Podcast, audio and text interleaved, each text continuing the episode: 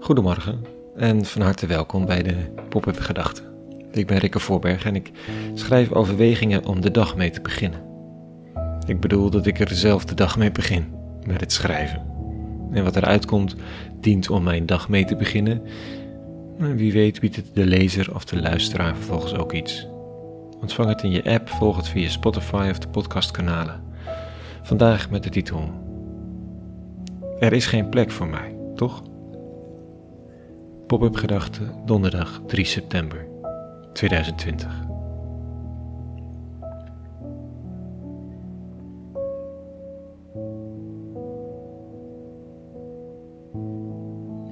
Er is geen plek voor mij, toch? Het, klinkt een beetje treurig, hè? Er is geen plek voor mij, maar zo bedoel ik het niet helemaal. Er is geen plek voor mij en misschien ook wel niet voor jou. Dat weet ik natuurlijk niet zeker. Ik kan niet in je ziel kijken, maar ik heb ze mijn vermoedens. Ik bedoel, de kerk heeft een lange geschiedenis van hoge eisen, hoge normen en moraal. De biecht die je toch echt moest afleggen om weer voor God te mogen verschijnen, dat soort dingen. Kijk, en als tegenbeweging ontstond er een cultuur van welkom allemaal. Niet de schijnheilige niet het instituut, niet te veel eisende oudsten of dominees met priemende vingers. Maar jij en ik, gewoon binnenlopen in je spijkerbroek en met je handen in je zakken.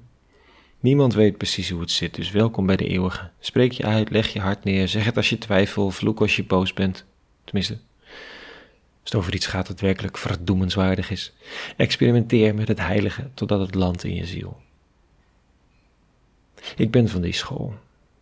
Als ik iets van Jezus van Nazareth begrijp, dan is het toch wel dat zijn werk bestaat uit het rondhangen met outcasts en outsiders en het uitkafferen van insiders en de leiders die de hoge drempels tot de aanwezigheid van God bewaken met argusogen. Maar is het wel het een of het ander? Is de ruimte van de, van de eeuwige, wat het ook mogen zijn, wel een plek waar je binnen banjert? Zijn de teksten van de eeuwige wel speelmateriaal? Of ligt er ergens toch een uitdaging, een vraag, een oproep? De Pop-up Kerk Amsterdam verwoordde een tijd geleden haar bestaansreden op deze manier. De Pop-up Kerk bestaat om onszelf en de wereld te verwelkomen en uit te dagen, opdat we handen en voeten leren geven aan dat waar we in zijn gaan geloven. Hm. Verwelkomen, uitdagen, opdat nou, handen en voeten leren geven aan dat waar we in zijn gaan geloven. Allereerst verwelkomen. Het maakt niet uit, schuif aan. Wat je gelooft, zoekt, verlangt, weet, niet weet. We delen ons brood met je en onze wijn. En nodig je uit om mee te toosten. Op verlangen. Een hyper-inclusieve handeling. Vergeleken met plekken waar brood en wijn juist een hyper-exclusieve handeling is. Doen we het dan goed? Is dit beter? Heel eerlijk, ik weet het niet. Niet zeker in elk geval. Het is een poging om met een maaltijd, met een verwijzing naar de rituelen van christendom, verbinding te creëren zonder voorwaarden. Verwelkomen. En dan vervolgens met elkaar afdalen in dat wij in geloof, op hoop tegenaan loopt. Zo gaat het altijd hier en het lijkt te kloppen. Maar dan zie ik vanochtend deze tekst, die deze hele mijmering op gang brengt. En dit staat er, een psalm, wie mag de berg van de Heer bestijgen? Wie mag staan op zijn heilige plaats? Nou, wie reine handen heeft en een zuiver hart, zich niet inlaat met leugens. Hm. Als eerste lees ik hier een uitnodiging. Het triggert mijn verlangen een mens te zijn met reine handen, een zuiver hart die zich niet inlaat met leugens. Hoe graag een mens te zijn die nooit meer leugens nodig heeft. Hè?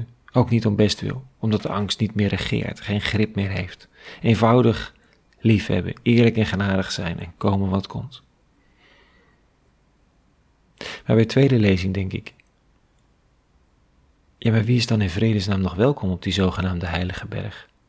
Het moet daar verdraaide eenzaam zijn. Ik heb het niet, hè, dat zuivere hart en reine handen.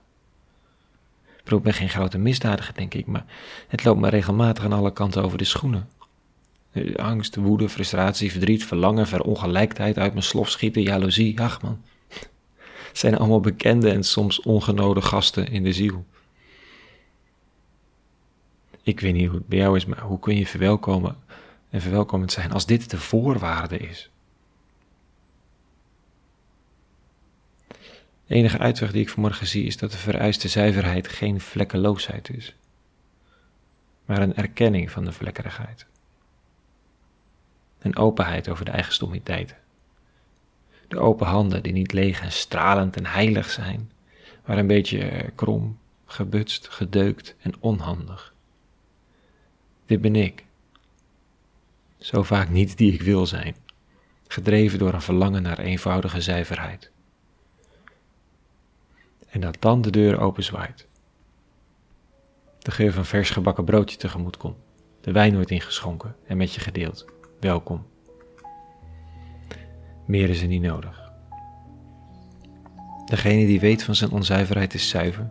Degene die de rafels van zijn kleren ziet, heeft de prachtigste outfit. Degene die de vlekken van jaloezie, achterdocht en meer kent in zijn of haar leven, is de schoonste van het stel. Welkom. Dat denk ik. Of beter gezegd, dat hoop ik. Tot zover vanochtend. De pop-up gedachten. Een hele goede donderdag gewenst. En vrede. En alle goeds.